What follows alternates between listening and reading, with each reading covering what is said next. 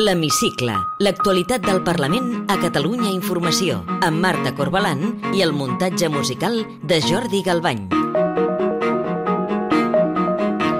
El govern ja té un aliat per poder aprovar els pressupostos de la Generalitat per al 2023.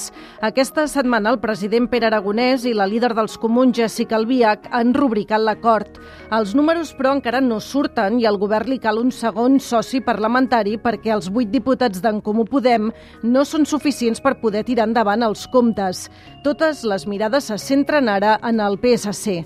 Avui entrevistem la portaveu d'Esquerra al Parlament, Marta Vilalta. Benvinguts a l'Hemicicle. L'acord signat pel govern i els comuns preveu un pla de xoc social de 555 milions d'euros per afrontar la crisi derivada de la guerra d'Ucraïna i de l'increment de la inflació. Un altre dels eixos bàsics és el reforç de la sanitat pública amb 279 milions d'euros més per a l'atenció primària.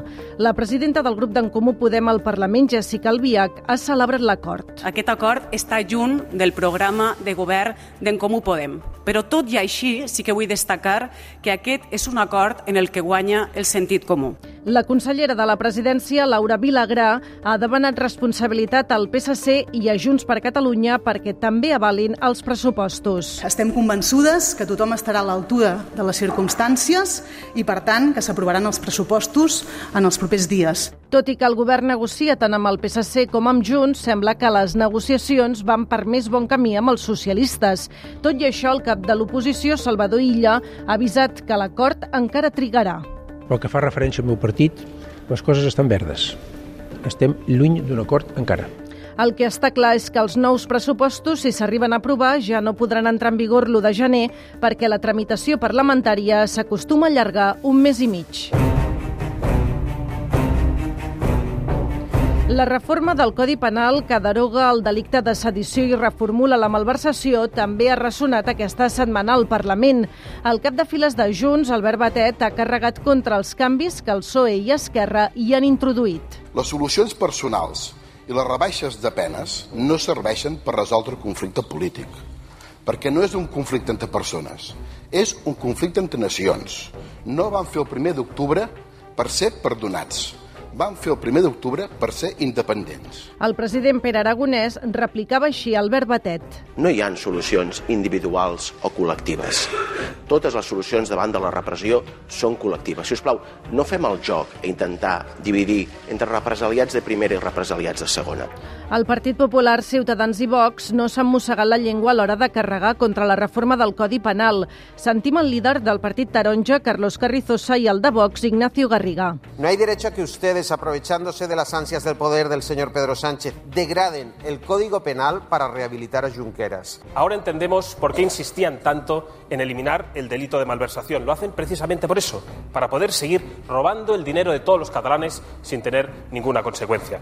Un cop acordada la reforma del Codi Penal, Esquerra ara vol convèncer Pedro Sánchez per fer un referèndum d'autodeterminació a Catalunya. Proposen fer-ho per la via de Montenegro, és a dir, una consulta amb el vistiplau d'Europa amb un mínim del 50% de participació i almenys un 55% de vots a favor de la independència. El govern espanyol ja hi ha tancat la porta i Junts i la CUP també se n'han desmarcat.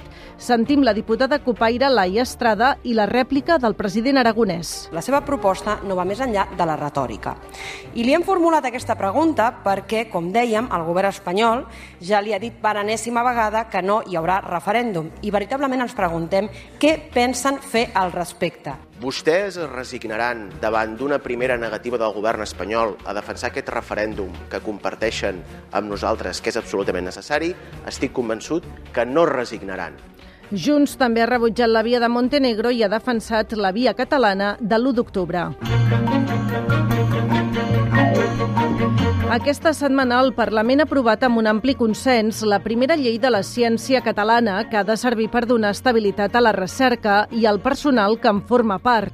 El conseller de Recerca i Universitat, Joaquim Nadal, ha subratllat que és una llei de país. Transcendint la conjuntura i la discrepància política, aquesta ha esdevingut una llei de país, pel país i per la gent del país.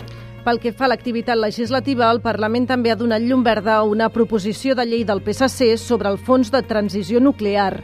A partir d'ara s'amplia del 20 al 50% els ingressos de l'impost a les nuclears que es reinverteixen al territori i s'eixampla a 30 quilòmetres al radi de municipis que se'n podran beneficiar. Junts ha fet costat als socialistes per aprovar la llei, mentre que Esquerra hi ha votat en contra. Té la paraula.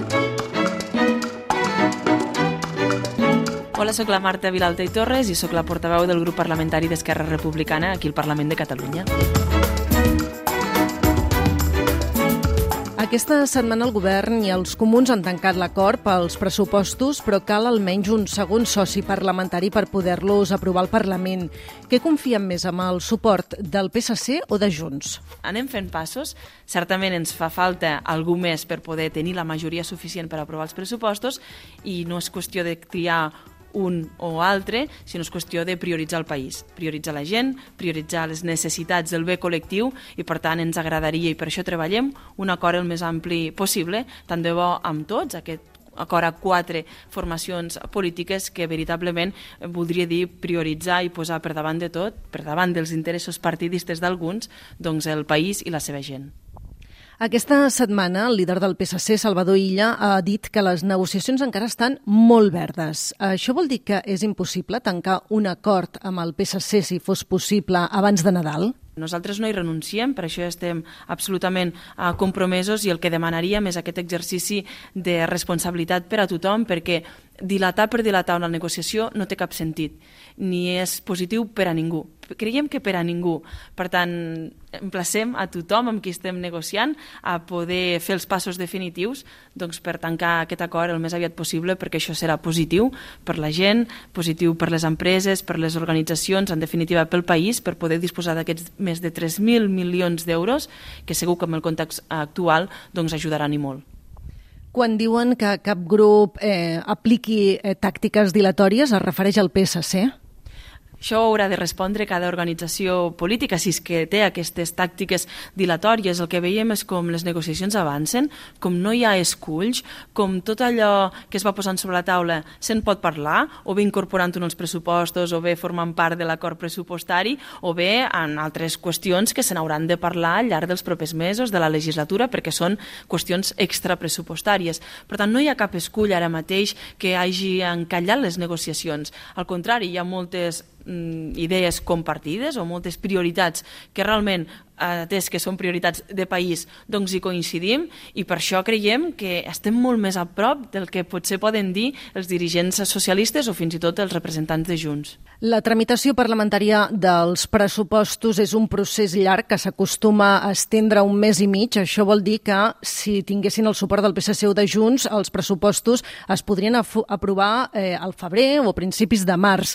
Una manera d'accelerar el calendari seria que el govern els aprovés abans abans de tancar l'acord amb el PSC o amb Junts? La vocació és que es puguin aprovar en el marc de govern quan hi hagi els acords fets amb la majoria de grups parlamentaris. Ara bé, és evident que si segueix aquesta voluntat dilatòria només per dilatar, només per entorpir, només per voler desgastar el govern, quan qui en surt perjudicat és tothom, doncs probablement el govern haurà de fer un pensament de portar més aviat l'aprovació dels comptes al, al Consell Executiu de Govern i després seguir negociant amb el marc parlamentari i amb tot l'arc parlamentari per buscar els, els acords. Uns acords que, reiterem, i són en el marc del Consell de Diàleg Social de Catalunya, un acord inèdit amb els agents econòmics i socials, que hi és amb l'acord amb amb el sector cultural, que hi és també amb el tercer sector, que ara, ara ja hi és amb el grup parlamentari dels comuns aquí a Catalunya i que per tant creiem que ja s'ha treballat molt, s'ha construït un gran consens com per impedir que això ja fructifiqui.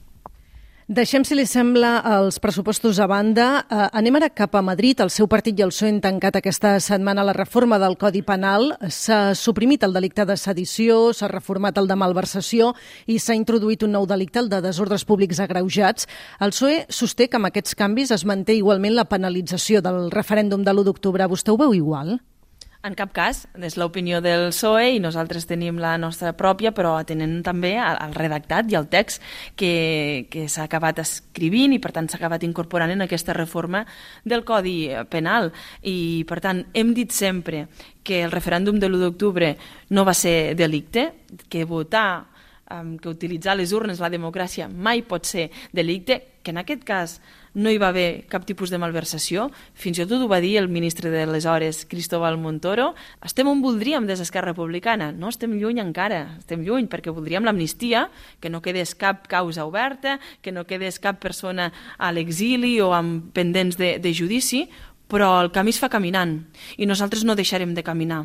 I aquells que critiquen aquest camí, doncs potser si ajudessin a fer el camí hauríem anat eh, una mica més enllà. En aquest camí que ara comentava hi ha una segona fase que és la negociació del referèndum d'autodeterminació cop tancada la reforma del Codi Penal ara volen afrontar la, la del dret a l'autodeterminació. Després de sentir aquests dies tots els ministres socialistes tancant la porta al referèndum, encara confien en el PSOE? És que no depèn del que vulgui el PSOE o no depèn del que diguin els ministres socialistes per seguir defensant allò que defensem des d'Esquerra, allò que defensem de, des de l'independentisme o allò que defensa el 80% de la societat de Catalunya. Sempre hem dit que la resolució democràtica del conflicte passa per aquesta aposta per la negociació, però sobre dos solucions, amnistia i autodeterminació. I li pregunto amb quina força podran Esquerra a Madrid a defensar aquest referèndum si aquí a Catalunya Junts i la CUP eh, hi han tancat la porta i han rebutjat aquest acord de claredat? Segur que trobarem maneres de debatre les condicions, els percentatges, de quina manera, si, quines lleis s'han de canviar, com ho hem de fer, i aquí ens podrem discutir. Però el que considerem és que, com a mínim, haurien d'estar predisposats a parlar de qualsevol proposta que algú situï enmig de la taula, com ha fet el president de la Generalitat, Pere Aragonès, en la voluntat de construir aquest acord de claredat, o com fem també des d'Esquerra Republicana, resituant el referèndum com la millor eina. Tenim una proposta, sabem com fer-ho i volem intentar construir aquest consens per fer-lo possible. Si li sembla bé, ens endinsem ara ja en el terreny més personal i li demano si pot contestar amb respostes tan breus com sigui possible. Què fa per desconnectar de la política? Uh, per desconnectar de la política intento patinar quan puc, tot i que no ho feia amb tota la, la periodicitat que ho feia abans, que abans era cada setmana, cada setmana, però sempre que puc intento posar-me els patins, patinatge artístic una altra vegada, perquè és la manera doncs, de que uh, la ment desconnecti i és una mica la sensació d'anar sobre rodes, que et dona aquesta sensació de, de llibertat i que per tant m'ajuda molt, més enllà de llegir, de sortir, de passejar, de estar amb la gent que, que m'estimo i que comparteixo la, la vida. Quin diputat o diputada ideologia a banda fitxaria per Esquerra? Mira, jo fitxaria el, el portaveu dels comuns, que és el David Cid, uh, que és espavilat a l'hora de fer les negociacions i a l'hora de, de fer tractes parlamentaris, uh, però certament perquè amb ell doncs, uh, treballem intensament i, i, en fi, i, i molt habitualment i per tant doncs, el conec i treballem bé. Té alguna mania confessable? Per exemple, que m'agrada uh, tenir-ho tot controlat o com a mínim no? molt exigent en, en totes aquelles qüestions que, que en tinc la responsabilitat de, de fer que surten i això a vegades uh, fa que no? tingui una actitud molt seriosa, molt de, de, de ser això, no? exigent i de, i de control i a vegades no acabem de gaudir la feina que també s'ha de fer i sobretot amb els companys i, i companyes. Recorda que volia ser de petita? Sí, i els primers records que tinc, a part de que cada dia canviava de cosa, però els primers records que tinc sobretot és ja de ser periodista, que és el que he acabat sent, malgrat que aquí al Parlament de Catalunya, doncs ara, clar, no, no n'estigui exercint, però sempre m'ha apassionat el món de la comunicació i sobretot d'explicar. I ja per acabar, completi la frase següent. El que més m'agradaria del món és...